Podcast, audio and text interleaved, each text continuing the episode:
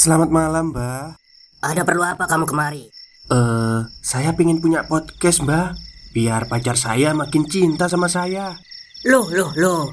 Mau bikin podcast kok tanya dukun? Sekarang kamu download aplikasi Anchor.fm. Di situ kamu bisa buat podcast gratis dan podcast kamu bisa didistribusikan ke platform mana pun. Dan di aplikasi atau website Anchor.fm juga terdapat fitur-fitur yang memudahkan kamu untuk membuat podcast. Oh, gitu ya, Mbak. Kalau gitu, saya boleh minta password wifi-nya, Mbak. Buat apa? Buat download Anchor.fm, Mbak.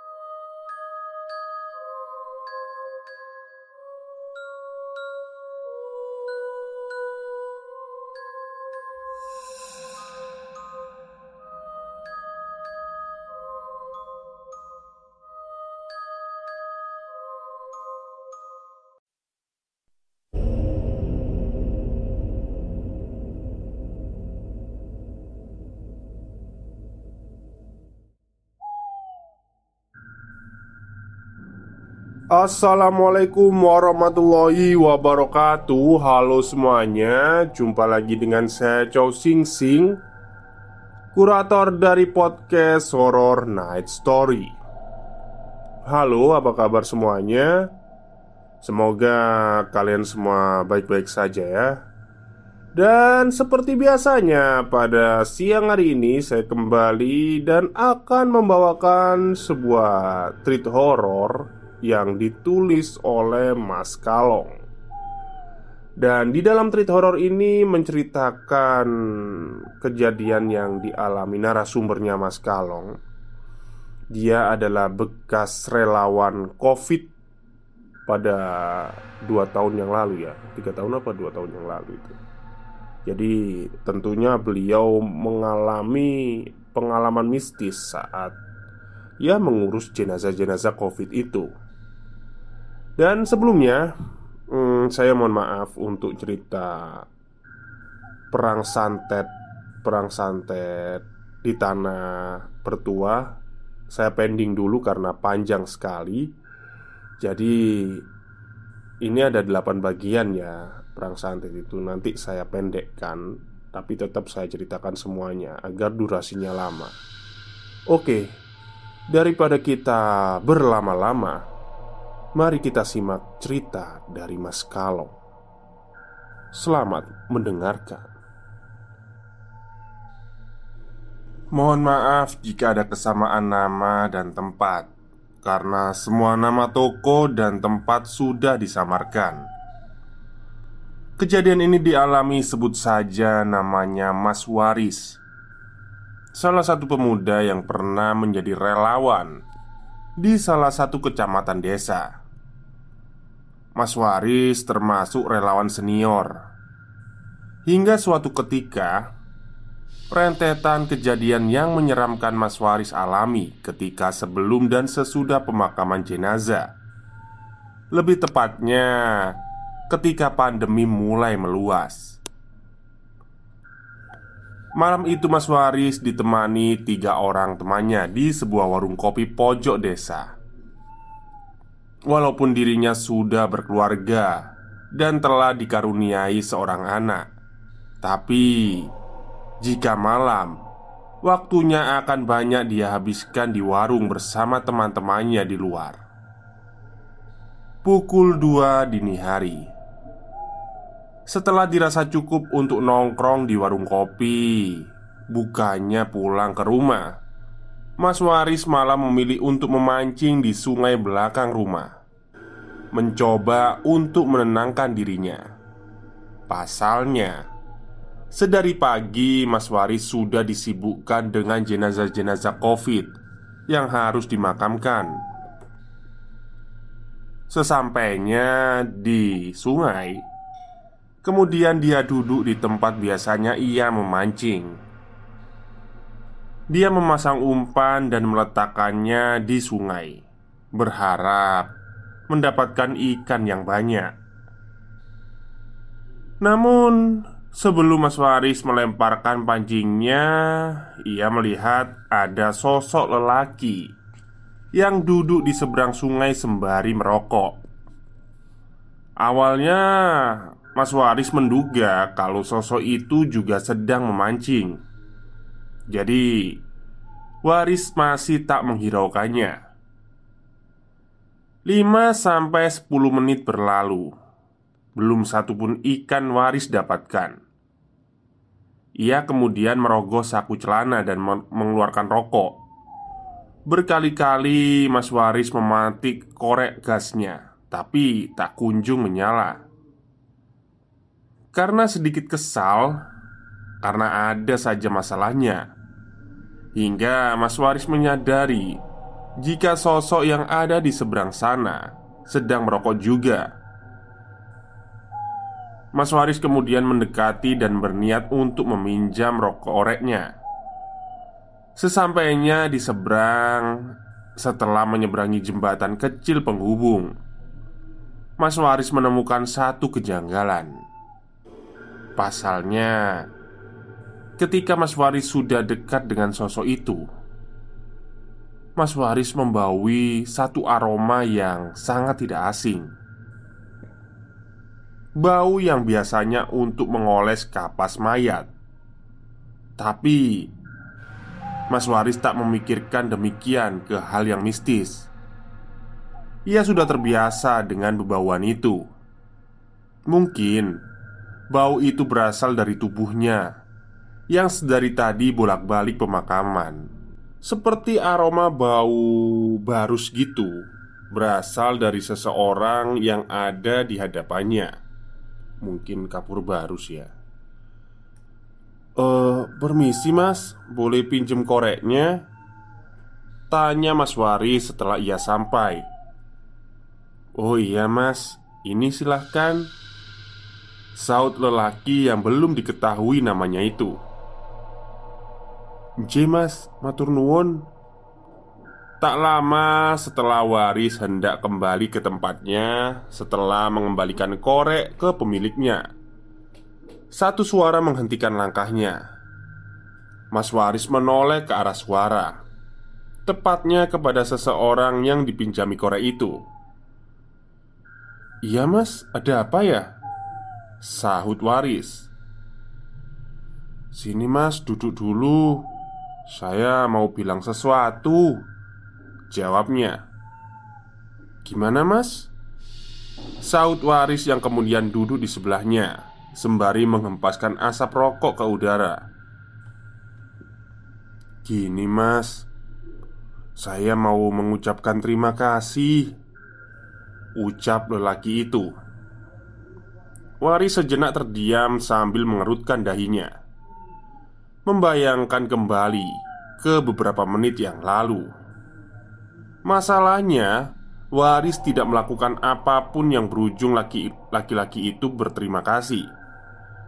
Kemudian Waris menanyakan suatu hal yang membuat lelaki itu berterima kasih. Betapa terkejutnya Waris setelah mendengarkan jawaban dari lelaki itu. Namanya Marsudi.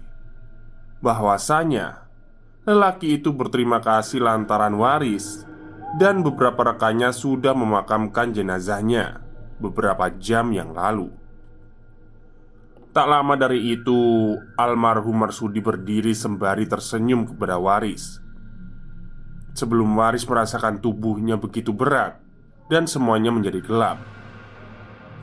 Entah berapa jam Waris tertidur.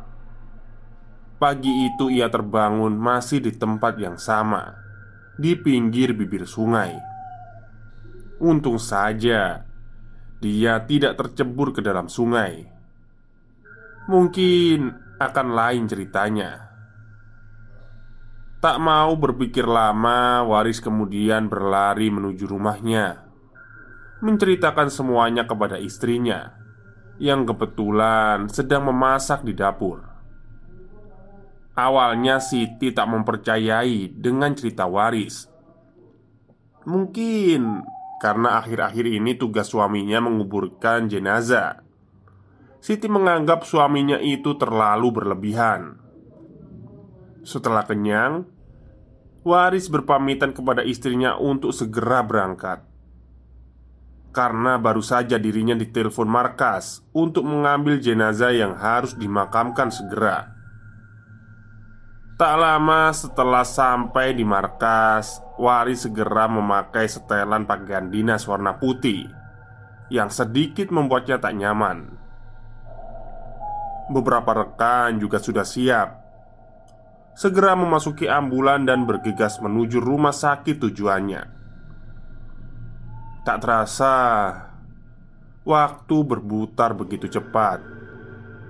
Malam itu Waris begitu merasakan lelah yang luar biasa. Hampir 10 jenazah yang Waris dan rekannya makamkan. Namun Itu tak mampu melunturkan rasa pedulinya. Walaupun gajinya tak seberapa Tapi rasa pedulinya tak diragukan lagi. Seperti halnya malam berikutnya. Tepatnya waktu menunjukkan pukul 11 malam Rasa ngeri dan mencekam harus Waris rasakan bersama rekan kerjanya. Lebih tepatnya, ketika langkah kaki mereka sudah memasuki area pemakaman. Satu pemandangan janggal harus Waris saksikan sendiri. Dari arah pojok kuburan, tampak sesosok berjubah hitam sedang berdiri memperhatikan Waris dan ketiga rekannya yang sedang berusaha menurunkan peti jenazah. Mendadak, angin bertiup lebih kencang, membawai bebauan kapur barus dan bunga kamboja yang membuat mereka semua seketika terjeda sejenak dan saling memandang. Walaupun wajah tertutup masker dan alat medis lainnya, tapi Aroma kapur barus dan kembang kamboja itu Seolah mampu menembus penghalang indera penciuman. Ketika itu Waris yang posisinya ada di atas Sembari menahan tali Seketika terlepas saat satu pandangannya Mengejutkan dirinya. Hal itu membuat rekannya yang biasa dipanggil Joko Terhimpit peti jenazah yang beratnya mampu membuat jari tangan bengkak. Namun, bukan itu yang membuat Waris spontan berlari tunggang langgang meninggalkan ketiga rekannya, melainkan satu pemandangan yang mengerikan yang Waris saksikan. Sosok berjubah hitam itu mengacungkan parangnya ke atas, kemudian dengan cepat menebas kepala perempuan yang ada di bawahnya. Malam itu juga Waris merasa sangat ketakutan. Dirinya memilih untuk kembali ke markas saja menggunakan jasa ojek online. Setibanya di sana, Waris kemudian membersihkan diri dan melanjutkan pulang ke rumah. Membaringkan tubuhnya yang dirasa lelah dan ketakutan yang amat luar biasa. Tak lama kemudian ponselnya berdering Tertera nama Joko di layar ponselnya Woi, kamu lihat apa tadi? Kok lari kayak dikejar setan? Tanya Joko di seberang telepon Sorry Jok Maaf banget Kamu gimana sekarang? Gak ada yang luka kan? Jawab Wari sedikit cemas dan panik dengan kondisi Joko. Aman. Untung tadi ada Doni langsung nahan talinya. Kalau enggak ya aku kejatuhan peti Ungkap Joko. Waduh. Sepurane tenan yo Jok. Aku tadi ketakutan beneran soalnya. Besok aku ceritakan deh apa yang aku lihat di markas. Jawab Waris Walah, ya udah nggak apa-apa. Yang tenang, nggak usah mikir yang aneh-aneh. Sekarang kamu tidur. Besok kita masih seperti ini soalnya. Pungkas Joko sebelum menutup teleponnya. Malam itu Waris merasa tidak tenang, seperti ada yang sedang memperhatikan. Karena semenjak pandemi ini dan pekerjaannya sebagai relawan, Waris memutuskan untuk sedikit menjaga jarak dengan istri dan anaknya. Bukan tanpa sebab, melainkan Waris takut kalau istri dan anaknya tertular virus mematikan ini. Waris meminta istri dan anaknya untuk sementara tidur di rumah orang tuanya karena mencegah lebih baik daripada tertular. Satu hal yang menjadi kebiasaan Waris, ia selalu terbangun ketika malam. Seperti juga saat itu, Waris terjaga. Sementara Waris mengumpulkan kesadarannya Kemudian melirik ke arah jam dinding di atas pintu kamar Pukul dua lebih Waris melihat waktu itu Namun entah mengapa Waris seperti enggan untuk turun dari ranjang Seolah ada sesuatu yang menahan tubuhnya. Tapi demi hajat yang tak tertahankan lagi Waris menekan rasa takutnya. Kemudian terpaksa bangkit dan melangkah menuju kamar mandi. Sunyi dan hening dirasa waris saat itu. Hanya suara serangga kecil Dari belakang sungai rumahnya Yang mewarnai akhir hayatnya Akhir hajatnya maksudnya Tapi setelahnya Di saat dirinya akan kembali ke kamar ada satu kejanggalan yang ia temukan. Waris terkejut, kaget, dan tertegun. Tersisipi rasa curiga melihat pintu dapur yang terhubung dengan pekarangan belakang terbuka lebar. Matanya spontan mengedar ke sekeliling dapur, mencari-cari satu sangkaan yang membesit dalam benaknya jika seseorang telah masuk ke rumahnya. Akan tetapi, setelah beberapa saat, Waris mencari dan memanggil nama Siti, istrinya, tapi tak ada jawaban. Ia melangkah mendekati pintu, berniat menutupnya kembali. Namun, baru saja tangannya menyentuh handle pintu.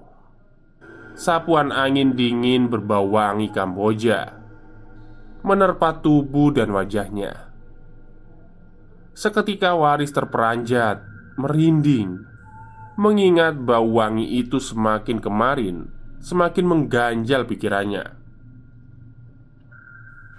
Cepat tangan Waris menarik gagang pintu ke dalam, mencoba menutup kembali dan menghindari tiupan angin yang membawa wangi Kamboja itu. Tapi sayang, Sekuat tenaga ia keluarkan Berusaha dan mencoba berkali-kali. Pintu itu tidak bergerak Seperti tertahan sesuatu yang berat di belakangnya. Waris terdiam sebentar Bingung Dan mulai tersusupi rasa takut oleh kenyataan yang tak masuk akal di depannya Sesaat berpikir Waris pun berjalan keluar untuk melihat apa yang sudah menahan pintu. Lagi-lagi, Waris dibuat tercengang, mendapati belakang pintu kosong dan tak menemukan apa pun yang mengganjal atau menahan pintu itu. Bahkan tak lama, daun pintu bergoyang pelan, menandakan jika pintu ringan tanpa beban. Stop, stop. Kita break sebentar. Jadi gimana? Kalian pengen punya podcast seperti saya? Jangan pakai dukun, pakai Anchor. Download sekarang juga. Gratis. Seolah tak percaya dengan semua kejadian yang baru saja ia alami. Batinnya berkecamuk antara takut dan heran. Namun tak lama rasa heran dan bingungnya terjawab oleh suara lembut di ujung belakang pekarangan yang mengarah ke sungai. Suara lirih tengah bernyanyi dari sosok wanita berbaju putih, berambut sepinggang, sembari menggendong anak dan sesekali memanggil nama waris, meski terlihat sedikit samar.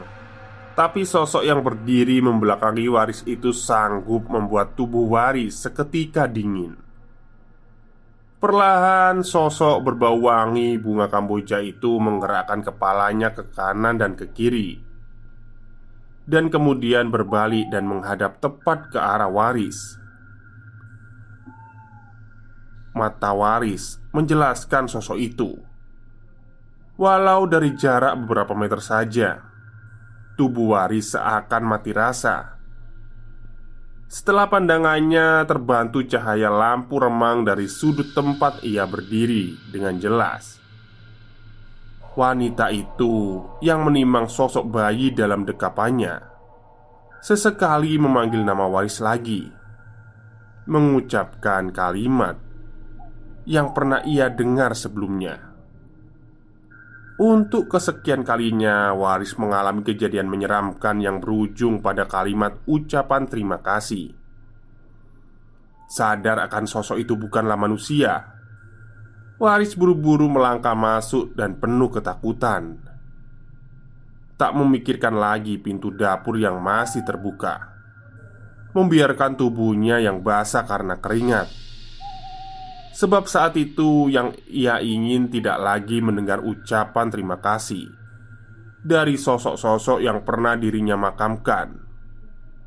Entah mengapa Kejadian ini hanya dialami oleh Waris sendiri.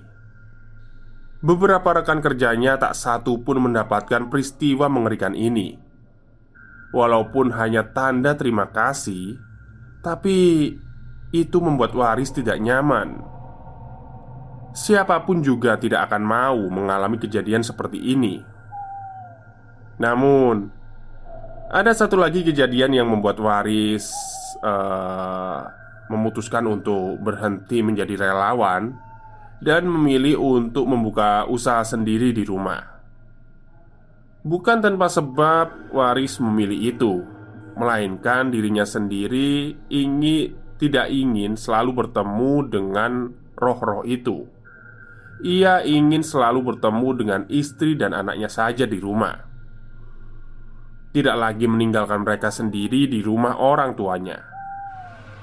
Sore itu setelah maghrib ketika Waris dan ketiga rekannya hendak menguburkan jenazah lagi Kebetulan Waris dan ketiga rekannya itu sudah berada di area pemakaman Dan ditemani oleh satu petugas rumah sakit mereka dengan semangat membara Mengangkat peti jenazah Untuk segera diturunkan ke liang lahat. Entah ada hawa aneh apa Yang jelas Waris merasakan ada sesuatu yang aneh Dengan petugas dari rumah sakit itu. Awalnya Waris mengira petugas itu sedang tidak enak badan. Terlihat dari cara ia berjalan dan raut wajahnya yang begitu pucat Entah rekannya yang lain juga merasakan atau tidak. Namun Waris mulai menduga-duga Dengan hal-hal di luar nalar.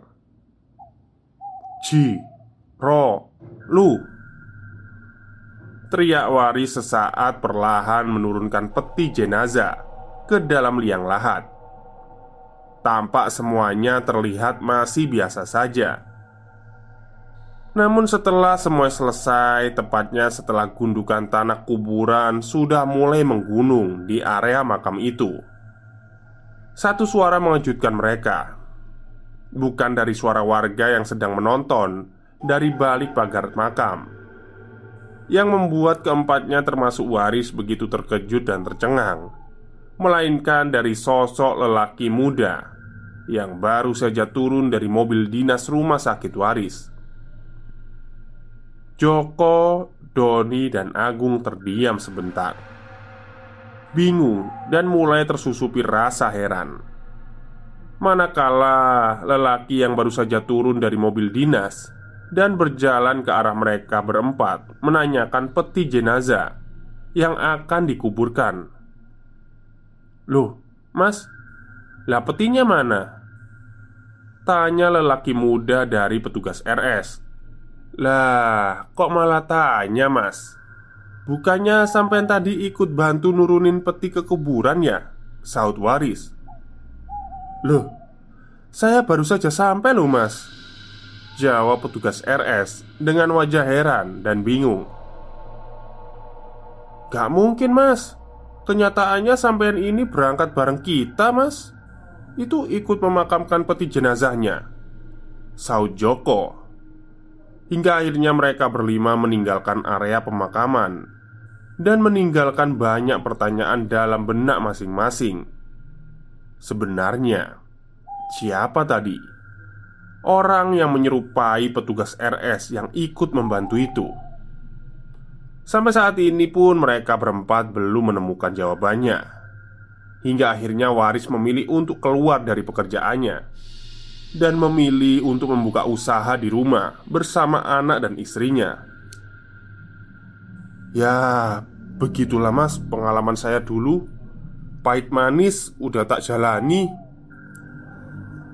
Sebenarnya masih ada satu lagi mas. Ini yang membuat saya nggak berani masuk pemakaman.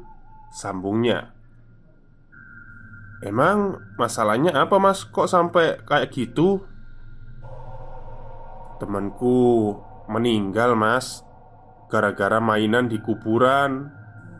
Kalau katanya Simba Sukmanya ditarik sama almarhum yang meninggal itu.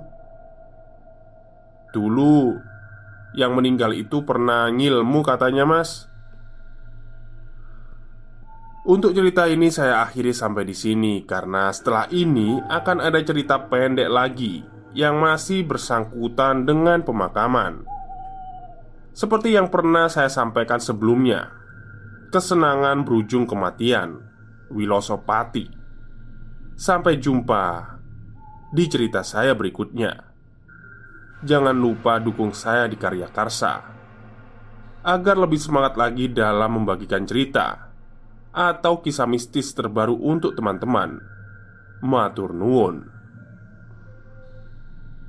Oke, itulah cerita singkat dari Mas Cerita setan atau Mas Kalong Yang didapatkan dari narasumbernya yang dulu adalah Seorang relawan COVID